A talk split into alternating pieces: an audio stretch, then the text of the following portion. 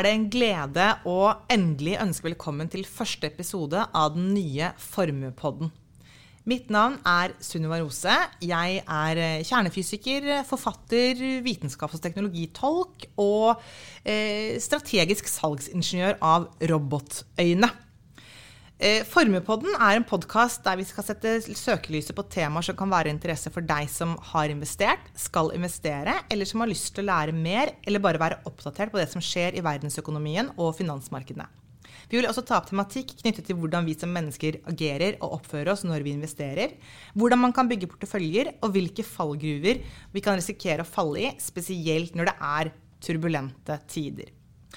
Jeg skal selvfølgelig ikke sitte her alene, og med meg på disse sendingene fremover vil jeg ha sjefstrateg i Formue, Christian Lie. Velkommen, Christian. Kan ikke du eh, si noen ord om deg selv også? Tusen takk, eh, Sunniva. Dette har jeg gledet meg til. Eh, jeg heter jo Christian og har vært i Formue siden august i fjor. Og før det så var jeg sjefstrateg i Danske Bank i ti år. Og hadde da bl.a. Uh, denne Danske Bankers-podkasten, så nå er, det, nå er, jeg skikkelig gira på å komme i gang igjen i, i, i, formue. Men bortsett fra det, jobben min som sjefstrateg det handler jo veldig mye om å følge med i, i verdensøkonomien, i finansmarkedene. Og prøve å forstå meg på sammenhenger, hva som kan være sannsynlige utfallsrom. Og formidle det til rådgivere og, og kunder. Og selvsagt også jobbe internt da, i investeringsavdelingen vår. Mm. Det gleder jeg meg til. Jeg gleder meg til å skulle få tømme hodet ditt fremover og eh, prøve å lære å forstå mer av uh, hvordan dette henger sammen. Og det er jo ikke, er ikke så hyggelige tider akkurat i dag når vi sitter her. Det er turbulente og skremmende tider. Eh, grusomt å se det som skjer eh, bare nesten et døgns kjøretur unna der vi er nå. Eh, I den forbindelse er det viktig for oss å formidle våre tanker og medfølelse med de som blir rammet. Likevel, denne podden skal omhandle investeringer og markedsforhold. Og denne første episoden den kommer vi til å dele i tre seksjoner. Hva skjer i finansmarkedene? Hva kan bli de økonomiske konsekvensene? Og sist, hvordan bør man egentlig forholde seg til denne og andre kriser som investor? For det er jo en krise vi står oppi nå. Og Da starter vi med det første, som er markedsutviklingen. Eh, det første jeg da vil spørre deg om, Christian, er hva er de viktigste årsakene til at 2022 har begynt så dårlig for de som investerer? Ja, Det er et godt spørsmål. fordi Selv før Ukraina-krigen brøt ut, så opplevde vi jo ganske turbulente og vanskelige markeder. Og veldig kort forklart så er egentlig den viktigste årsaken til det vært at inflasjonen i verden den ser ut til å holde seg høy mye lenger enn det mange hadde trodd bare for noen måneder og kvartaler siden. Og Det har ført til at uh, markedene tror nå at sentralbankene kommer til å stramme inn mye mer enn det de har trodd før. Og vi vet jo at uh, når rentene stiger mye, og kanskje mer enn det investorene liker, så har det vært negativt, spesielt for de aksjene som var dyrest. Mm. Eh, innenfor spesielt det vi kaller vekstsektoren, eh, som teknologi, bioteknologi, fornybar energi osv. Eh, og dette skapte ganske store bølger i, i markedene. De tre komponentene, altså inflasjon, eh, økte forventninger til sentralbankenes innstramminger, og det som skjedde spesielt på teknologi- og, og vekstsiden. Og så har vi fått Ukraina-krigen, som forsterker en del av disse tingene. Mm. Men hvor markedsutviklingen på sett og vis har forandret seg litt også. Ok, ja, Så hvilke konsekvenser har Ukraina-krigen så langt ført til i finansmarkedene? Jo, altså Det som har skjedd etter at krigen brøt ut, det er jo at man ikke har sett noen panikk var, bortsett fra i det russiske eh, finansmarkedet, hvor eh, rubelen har, har krasja, russiske aksjer har eh, falt kraftig, eh, russiske statsoblasjoner osv. har falt kraftig i verdi. Men bortsett fra det så ser man ganske store forskjeller.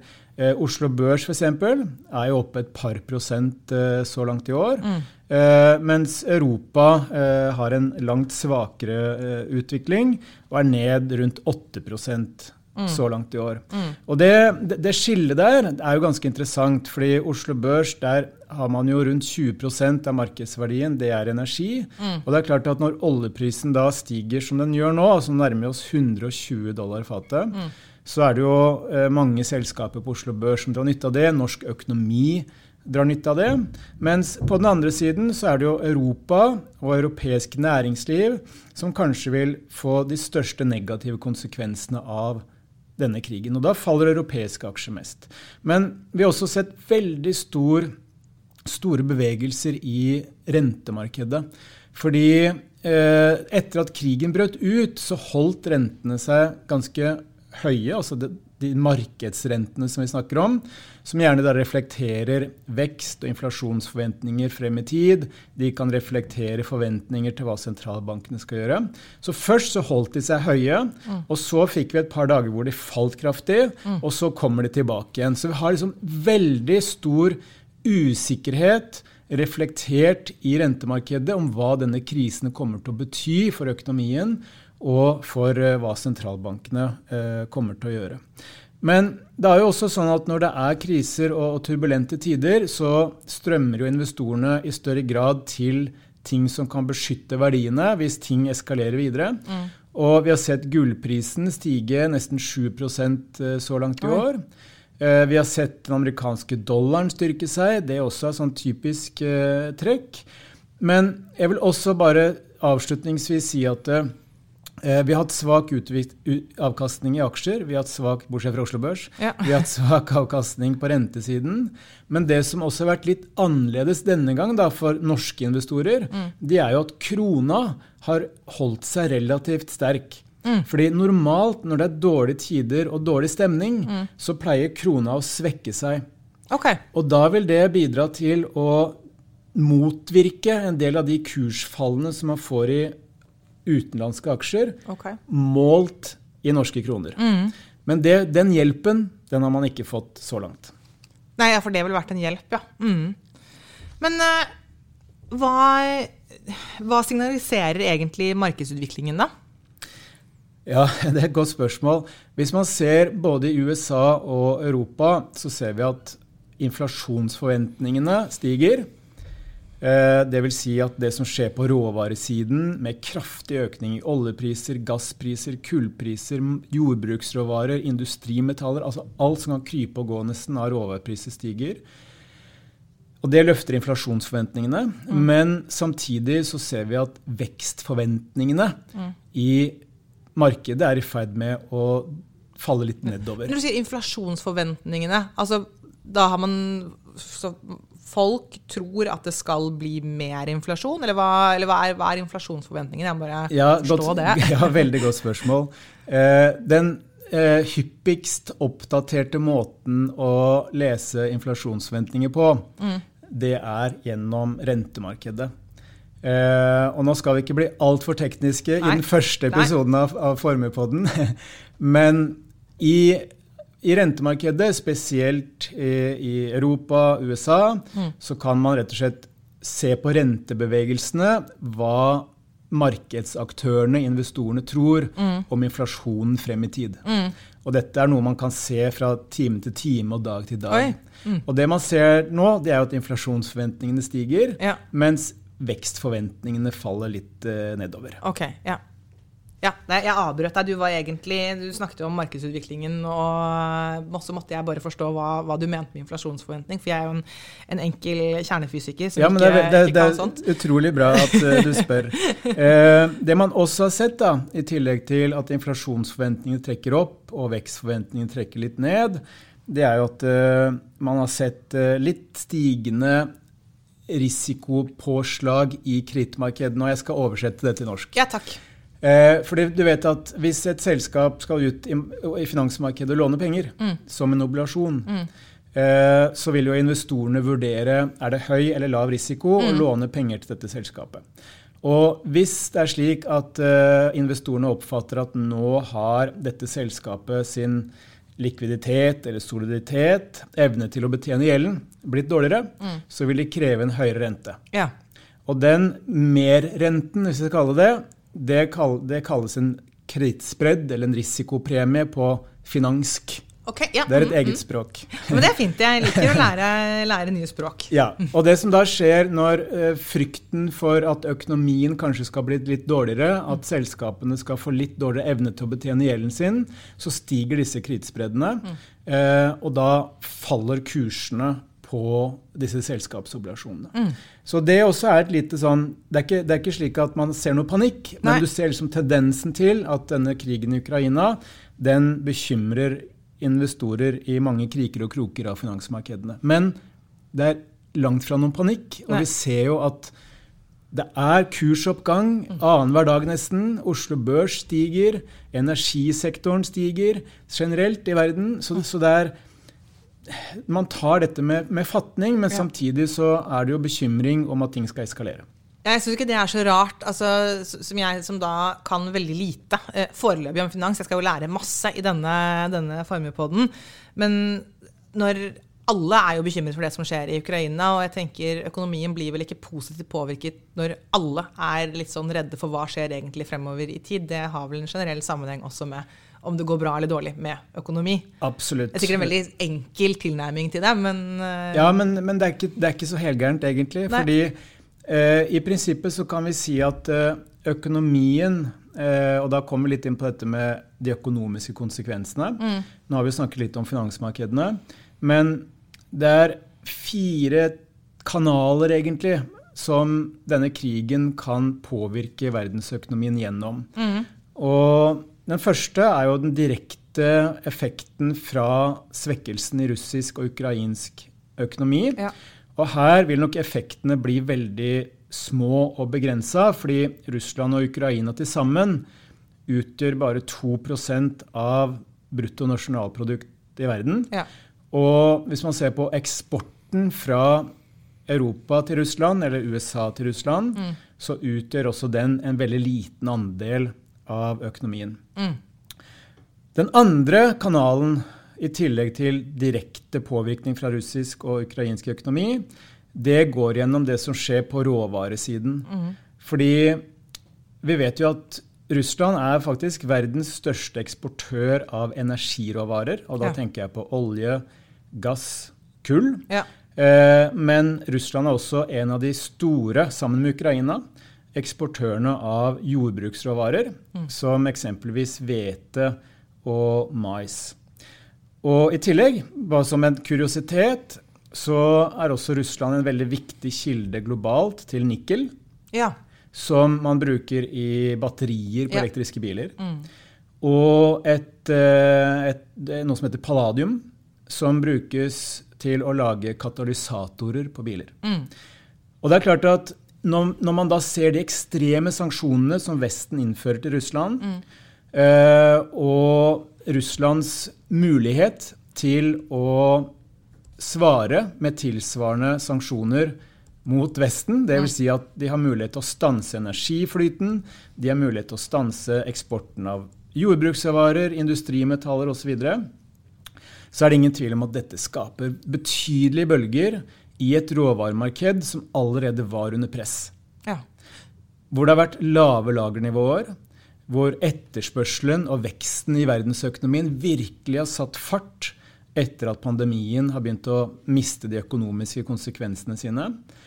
Og dette da har ført til en betydelig eh, økning i råvareprisene. Og hva betyr det? Jo, når råvareprisene stiger, når energiprisene stiger, mm. så betyr det at folk flest de får mindre å rutte med til andre ting. Ja. Og man må bruke en større andel av inntekten sin på mat, og energi, f.eks. Mm. Og for bedriftene så betyr det at når strømprisene stiger, eller kraftprisene stiger, så øker produksjonskostnadene. Og det vil da bety at de enten må tjene mindre penger, mm.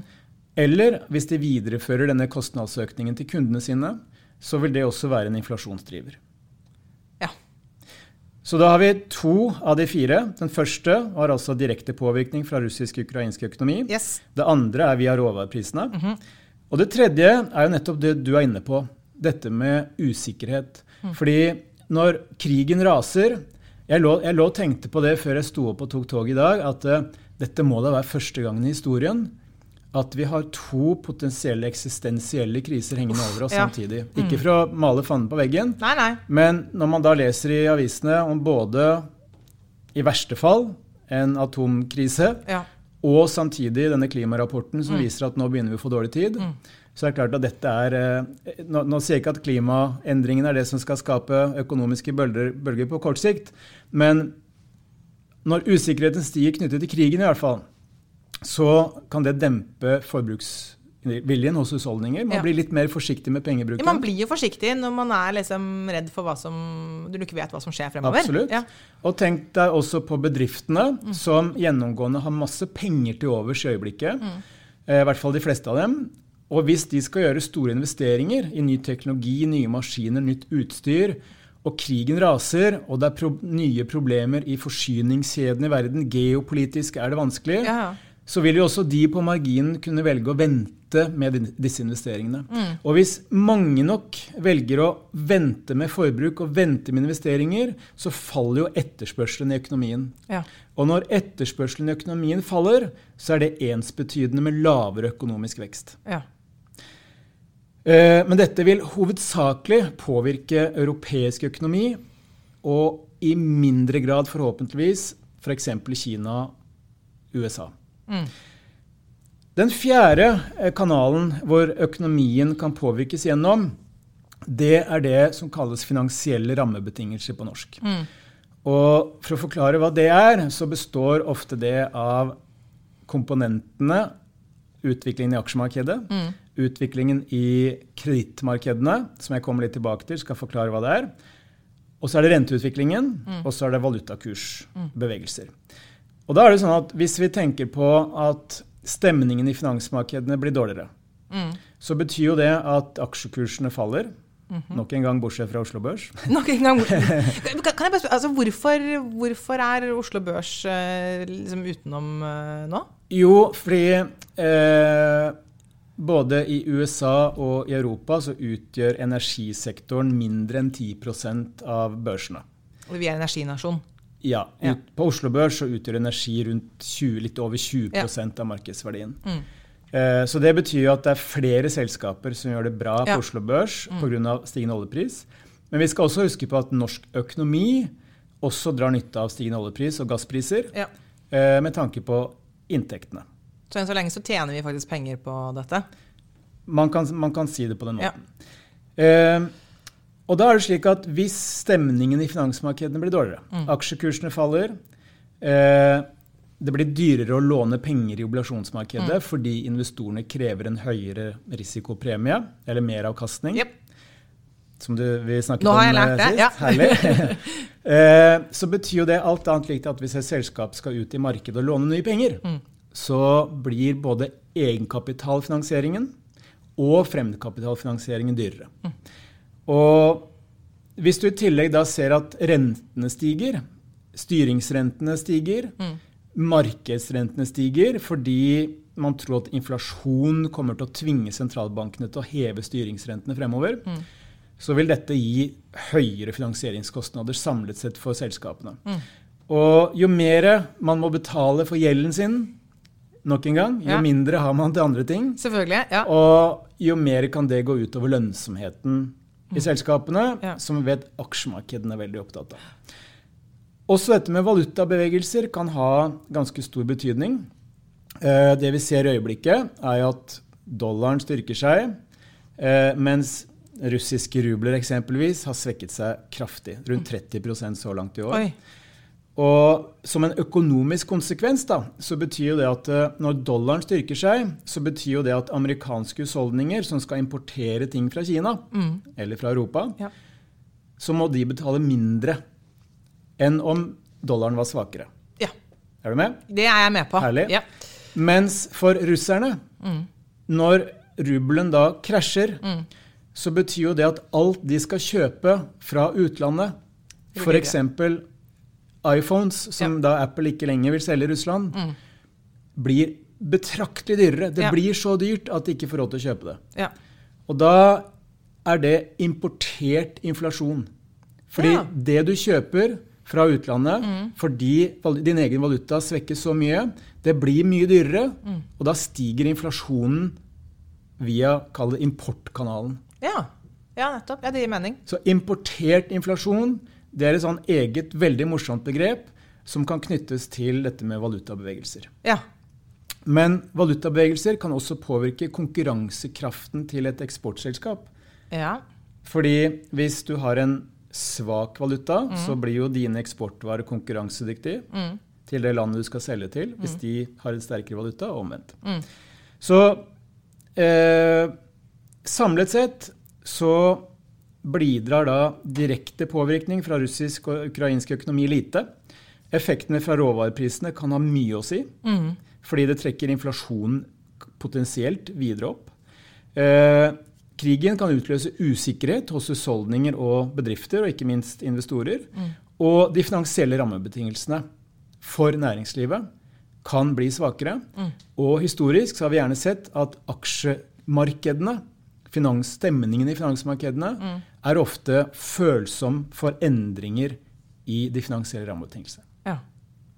Da må jeg spørre, når du sier på da, altså, aksjemarkedet på en måte reagerer sånn Her er det mye psykologi også? At liksom man, man, føler, man blir nervøs, man blir glad. Altså, er det ikke det Det er jo med å påvirke eh, de, de beslutningene som, som tas, og så liksom én ting setter i gang en annen, osv. Definitivt. Ja.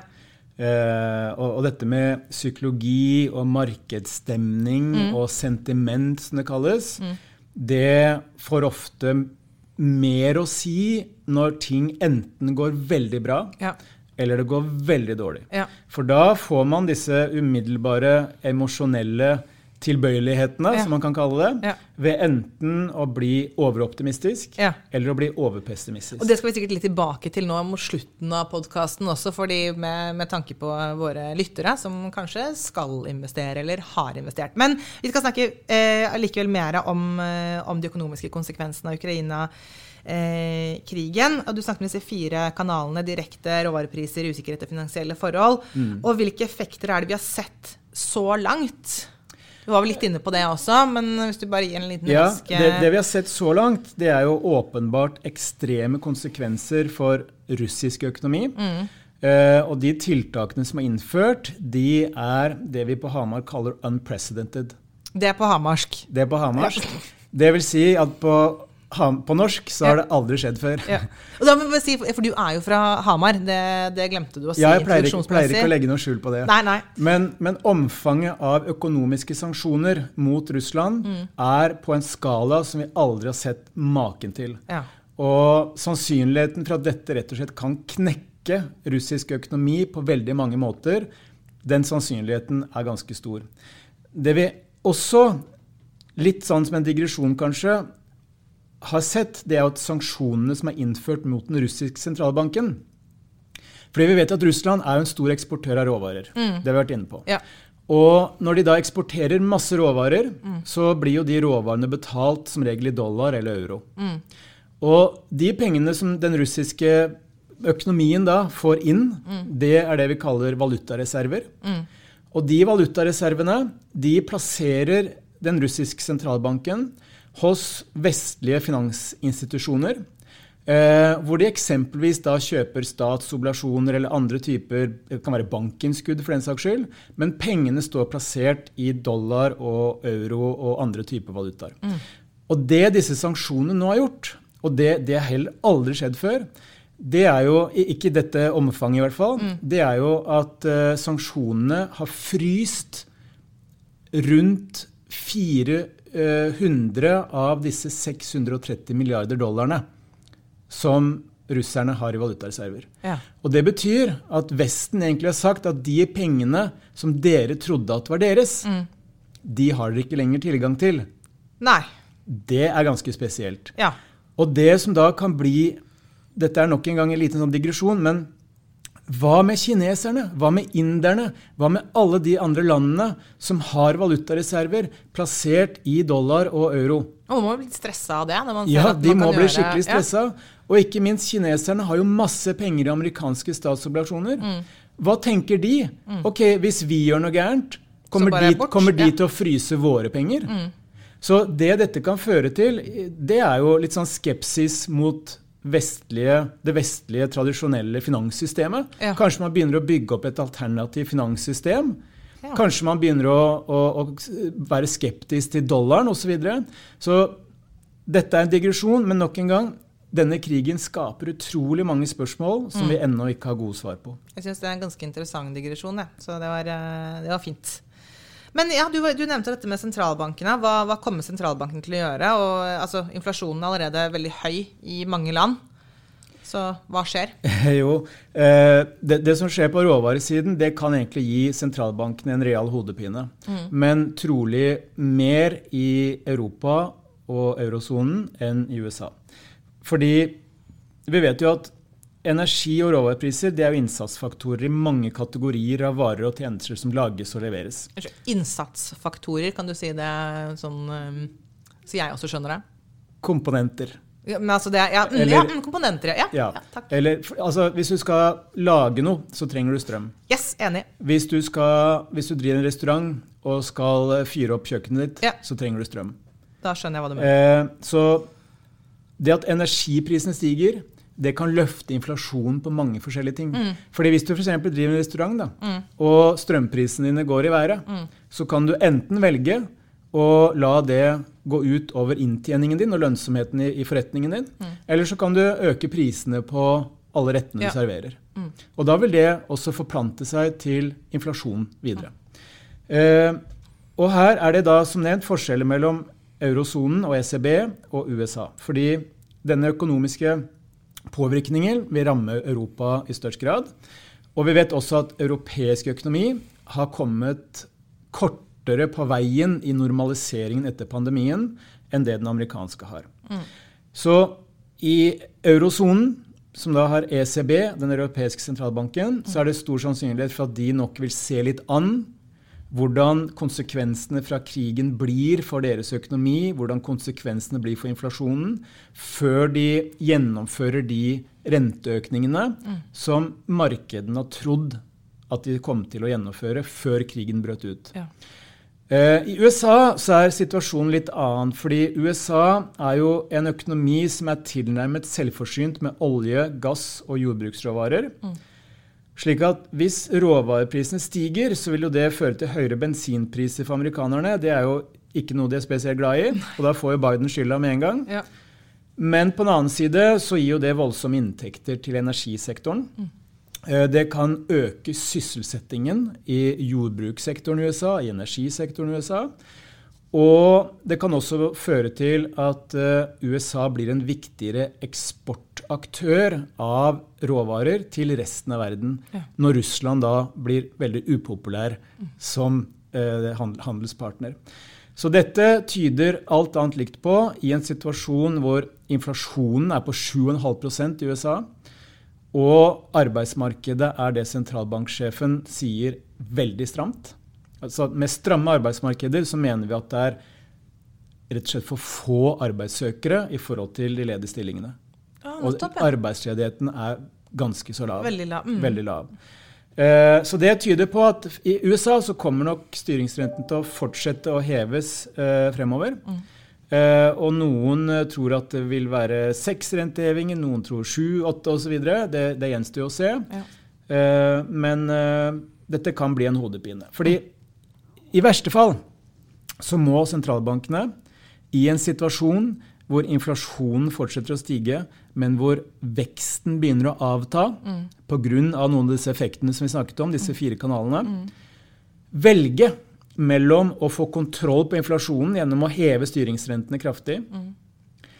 Men det hva ligger, ja. Når du sier da, heve dem kraftig, hva, hva betyr kraftig i denne sammenhengen her, da? Bare, Ja, det, kan, det kan jo bety altså Historisk, da, hvis vi ser i USA f.eks., så har sentralbanken de tre-fire siste gangene man har måttet heve styringsrentene for å få kontroll på prisvekst, eller en overoppheting i økonomien, så har den amerikanske sentralbanken i gjennomsnitt hevet styringsrentene med 4-5 prosentpoeng.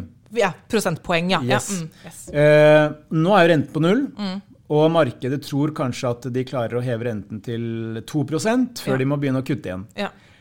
Så hvis, det kom, hvis inflasjonen holder seg så høy at markedene begynner å oppfatte at ok, sentralbanken må heve mer enn det de har sagt, mm. så kan det gi en utfordring for finansmarkedene. Mm. Og spesielt hvis det skjer samtidig som øk den økonomiske utviklingen er, er, i ferd med å dabbe litt av. Mm. Så det som blir hodepinen her, det er at hvis vi strammer inn for mye, så kan det få kontroll på inflasjonen, men det kan også knekke økonomien. Ja. Og hvis de strammer inn for lite, så kan inflasjonen fortsette å løpe løpsk. Så dette er ikke lett. Nei, dette er ikke lett. Og så ekstremt mange faktorer som påvirker hverandre og kan potensielt føre til enorme konsekvenser.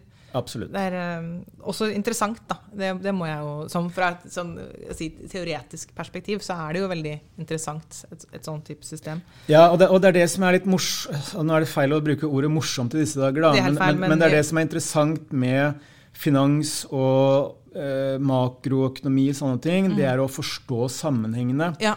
Fordi ting henger sammen. Ja. Og en bevegelse et sted i en økonomi eller i en si, økonomisk faktor mm. gir ringvirkninger mange andre steder. Det virker som det som vi kaller for sånn kaotiske systemer, hvor en bitte, bitte liten endring et sted, altså den såkalte egentlig sommerfugleffekten, hvor en liten endring ett sted kan få helt enorme konsekvenser et helt annet, et helt annet sted. Ja. Vi skal ikke snakke oss bort på det, selvfølgelig. Det var, jeg måtte bare, bare si det, at det, det, er, ja, det er, interessant.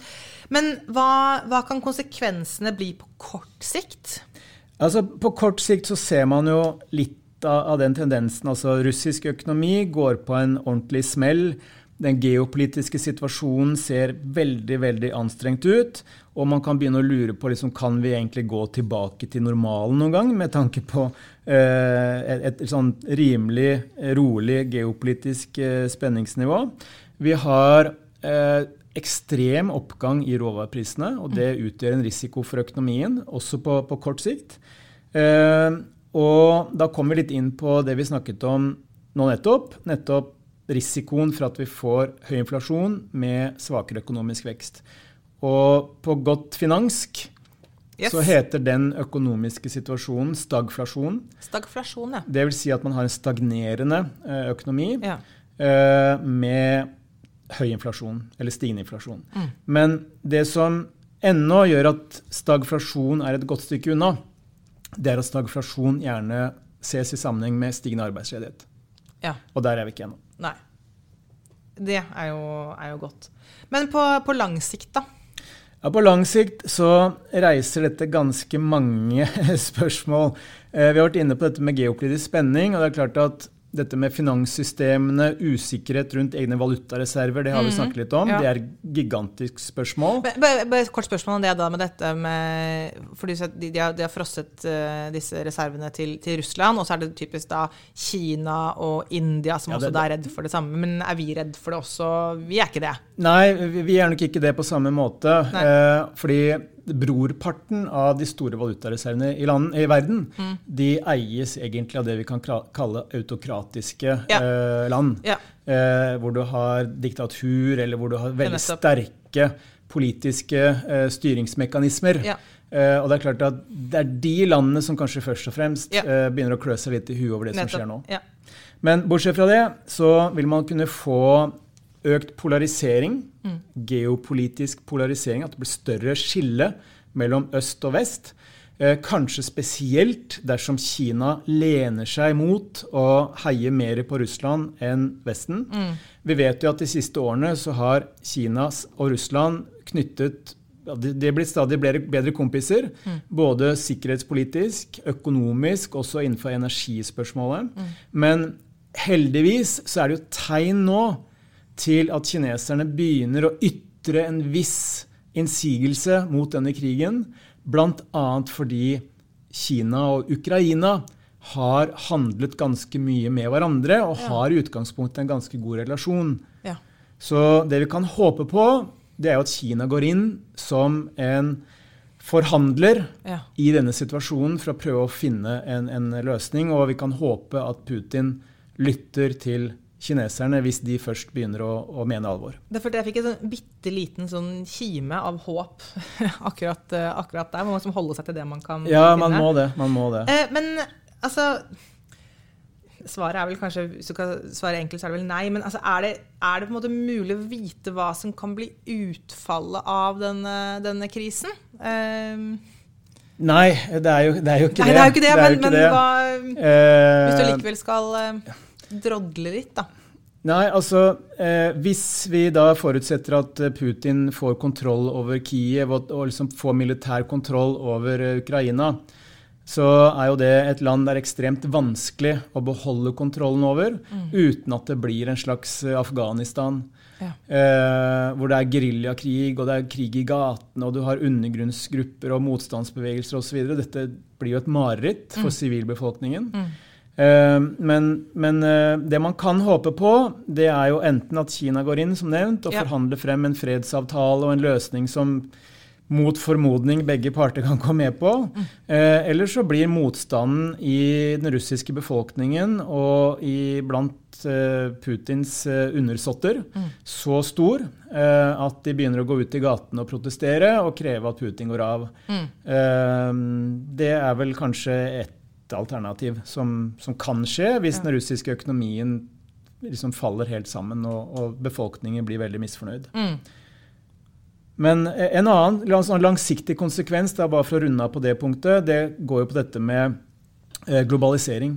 Ja. Fordi Gjennom de siste tiårene så har globalisering egentlig vært en sånn ekstremt viktig drivkraft mm. som har løftet eh, den økonomiske aktiviteten, samtidig som det har holdt prisveksten og inflasjonen nede. Mm. Bl.a. fordi Kina har vært liksom verdens fabrikk produsert ting billig, fordi det er kommet stadig flere nye arbeidere fra landsbygda inn til fabrikkene ja. som ikke har høye lønnsforventninger. Mm. Og så har man eksportert deflasjon eller lav inflasjon ja. til resten av verden. Men det man kan se nå, det er jo at globaliseringsprosessen har gått litt i, i revers mm. pga. handelskrigen som Trump uh, utløste, pga. pandemien mm. og de forsyningskjedeproblemene det skapte.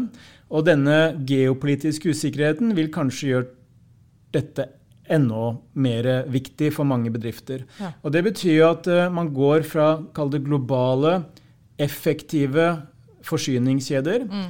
hvor man har just in time ja. som eh, begrep. Mm. Dette, dette kom jo opprinnelig fra Japan, hvordan de opererte forsyningskjedene sine på, på, ja. på slutten av 80-tallet eh, og inn, litt inn på 90-tallet til mer nasjonaliserte verdikjeder, hvor de tar produksjonen mer hjem ja. for å være sikker på at uh, det ikke blir forstyrrelser. Ja.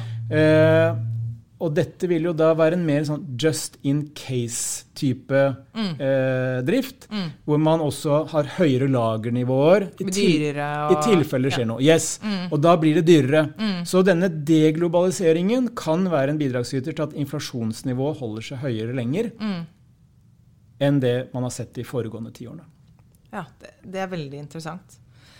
Prøve å, prøv å runde av denne, denne, delen. Prøve å dra ut uh, om det kan være noe positivt. Da. Er, altså, eller ikke at det er noe positivt, men, men altså, finnes det noen formildende forhold? Kan, kan, verdensøkonomien klare seg gjennom dette her? Altså, jeg føler som, Det må den jo, men um, hva, hva sier du til det? Ja, Det er, det er i utgangspunktet eh, gode grunner til å være sånn forsiktig optimist da, med tanke på verdensøkonomien. Fordi mm. vi har en veldig god marsjfart i verdensøkonomien nå, inn i 2022. Både USA, Europa, eh, Kina viste tegn til akselerasjon nå gjennom februar, faktisk. Oh, ja. Vi vet at pandemien er på, på hell, forhåpentligvis. Ja. Og det betyr at uh, mye av den ekstra kapitalreserven da, som både husholdninger og bedrifter har bygget opp, mm. kan strømme inn i økonomien og bidra til en virkelig sterk vekst eh, de neste kvartalene og forhåpentligvis eh, årene. Ja. Men her kommer dette med usikkerhet inn. da. Fordi Hvis denne krigen fører til at forbruket faller, investeringsviljen faller, så vil jo den effekten la vente på seg. Mm. Uh, men jeg vil si at De viktigste argumentene for hvorfor verdensøkonomien kan klare seg bra, det er jo at direkte påvirkning fra Russland og Ukraina er liten. Mm. Eh, kapitalreservene hos selskapene og husholdningene er høye. Det gir større evne til å absorbere renteoppgang og dårligere tider. Mm. Eh, pandemien er mot slutten, og det gjør at veldig mange har lyst til å reise på ferie. Eller reise, gå på restaurant, eller bruke penger i det vi kaller tjenestenæringene. Mm.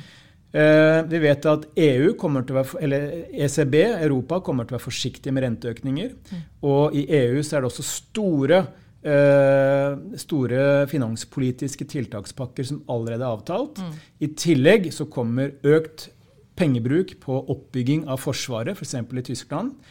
Og interessant nok så har vi sett at fornybar energisektoren mm. har gjort det veldig bra på børsen gjennom denne krisen. Fordi at eksempelvis i Europa så ser man betydningen av å bli mer uavhengig av russisk energi. Ja. Og da satser man ikke på mer olje eller mer kull, man satser da på fornybar energi. Mm. Så dette vil faktisk kunne være Putins viktigste bidrag til bekjempelsen av klimaendringene. ved at det akselererer investeringene i fornybar energi. Ja, nettopp, ja. Eksempelvis i Europa. Det er jo, det er jo Så alt, alt, alt, er ikke mørkt? Alt er ikke mørkt. Det er jo fin, eh, et fint sitat å avslutte den eh, del to av, eh, av, dagens episode. Og da går vi over til den siste bolken her i dag, som går igjen kanskje mer på dette med følelser og psykologien. Eh, hvordan skal, skal man forholde seg til krisen som investor? Denne krisen den påvirker oss alle. Den er skremmende og uvirkelig. Så hvordan kan man forholde seg til dette da som investor? Ja, Det er et veldig godt spørsmål. Eh, man blir jo følelsesmessig påvirket av dette her. Det virker skremmende og guffent eh, for oss alle. Men det som er viktig å skille, det er jo den, den usikkerheten og de følelsene som selve krigshandlingene og den liksom, eskaleringsfrykten eh, utløser hos oss. Eh, den påvirker ikke nødvendigvis finansmarkedene så mye. Fordi Nei. markedene og markedsaktørene er litt mer kyniske. De er mye mm. mer opptatt av hvordan dette påvirker økonomien, og hvordan det påvirker næringslivets evne til å eh, tjene penger. Så det man da gjerne vil kunne se, er at på det tidspunktet hvor denne krisen stabiliseres, mm. altså hvor endringstakten blir positiv, mm. hvor eh, eskalering går til ikke-eskalering, så er det en positiv endringstakt. Mm. Så vil finansmarkedene responderer positivt på det. Og enda mer vil de reagere positivt hvis man får en nedtrapping eller en utsikt til en løsning. Og Det som da er utfordringen for mange investorer, det er at hvis man føler tilbøyeligheten til å selge seg ut da, mm. av investeringene sine når det er urolig og det er røde overskrifter og verdiene faller litt, sånn som det er gjort nå, mm. så får man to beslutninger man må ta. For det første så må man bestemme seg for når man skal selge. Mm. Dvs. Si, skal man selge i dag, eller skal man vente til det faller mer? Og det andre, og kanskje enda vanskeligere spørsmålet, det er jo når man skal kjøpe seg tilbake. Ja. Inn igjen i markedet. Mm. Fordi det verste man kan oppleve som investor, det er jo egentlig om kursene snur den dagen man selger. Ja. Fordi da vil man intuitivt tenke at ok, dette er bare en, en, en blipp. Eh, ja. Markedene skal vire ned. Dette er så skummelt. Mm. Og så ser man at verdiene stiger, selv om man da har solgt seg ut. Eh, og det gjør veldig vondt å kjøpe investeringene tilbake på et dyrere nivå enn det du solgte på.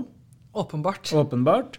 Og da er det også slik at jo mer kursene da stiger, uten at du er med i markedet, jo vanskeligere blir det egentlig å kjøpe seg tilbake. Ja. Så vi snakker jo mye om dette med langsiktighet og is i magen og alt dette her, og det er jo ikke for ingenting. Nei. Det er fordi at det er så vanskelig å time både salg og kjøp hvis man skal prøve å spå markedsutviklingen.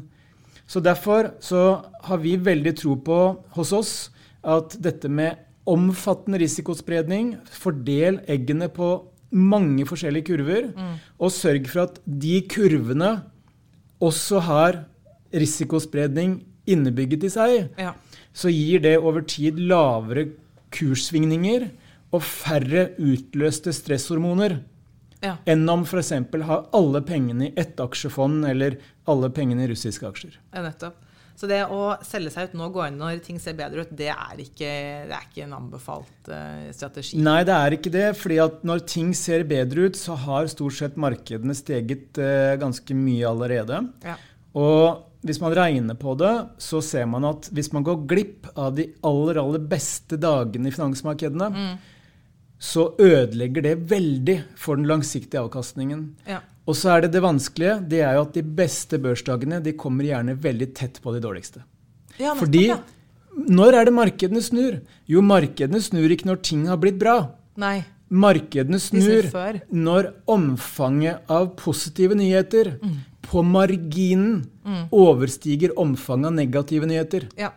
Det er da det har snudd. Det er da det er snudd. Mm. Og da vil avisoverskriftene og media og det man leser og det man føler, fortsatt fullstendig domineres av negative ting. Ja, så si det enkelt, altså på en måte Følelsene dine av hvordan, hvordan markedet er, de kommer etter at det allerede har snudd, og da er det egentlig for sent. Utrolig godt sagt. Tusen takk. Eh, Da er det mitt siste spørsmål her, eh, her i dag. og det er, er det, ja, Du har jo egentlig vært inne på det også. Hva, å- hva er det man kan gjøre for å beskytte seg? Du nevnte jo dette med da å spre, spre risiko. Er det noe, er det noe mer eh, å si enn det, egentlig? Nei, altså eh, Man kan i utgangspunktet tenke at ok, man kan beskytte seg gjennom å f.eks. kjøpe gull eller statsobligasjoner. Eller eh, posisjonere seg den amerikanske dollaren osv.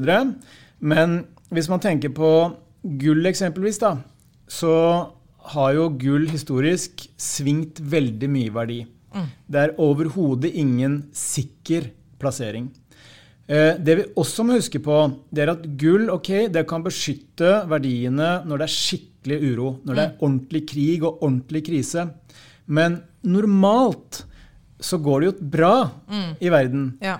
Eh, normalt så vokser verdensøkonomien mer enn det den gjorde i fjor. Altså eh, Størrelsen på økonomien vokser fra år til år, var det jeg mente å si. Og da er det jo sånn at eh, da vil aksjer og investeringer i næringslivet ta del av den verdiskapningen som skjer i økonomien og i selskapene. Så da får man på en måte en avkastning derfra. Men gull, det gir jo ingen avkastning. Du får ikke noe rente på gull. Nei. Det eneste du kan tjene penger på ved å eie gull, er hvis du selger det til noen som er villig til å betale mer enn det du kjøpte for selv. Gull er mer at men det alltid har den verdien. Det blir jo ikke verdt null, liksom. Gull, Nei, det blir ikke verdt null, men det kan gi betydelig negativ avkastning Yep. i en periode hvor aksjer og andre investeringer gjør det bra. Skjønner. Så det å eie ting som ikke gir avkastning i gode tider, det er egentlig et litt sånn eh, mot normalt veddemål, som Leif Juster ville sagt, for Ja. de som husker han. Jeg begynner å bli gammel. Så det, vi, det som er viktig når man investerer, det er at man skal investere eh, brorparten av pengene sine i ting som kan dra nytte av at det stort sett går bra i verden. Da tror jeg vi er ved veis ende, faktisk. Så vil jeg bare si tusen takk til eh, Christian Lie. Eh, Det har vært for- en glede. For vi fikk, eh, jeg fikk lov til å tømme hodet ditt litt eh, her i dag. Eh, takk til deg som lytter. Jeg heter Sunniva Rose, og vi ses, eller i hvert fall høres, neste gang.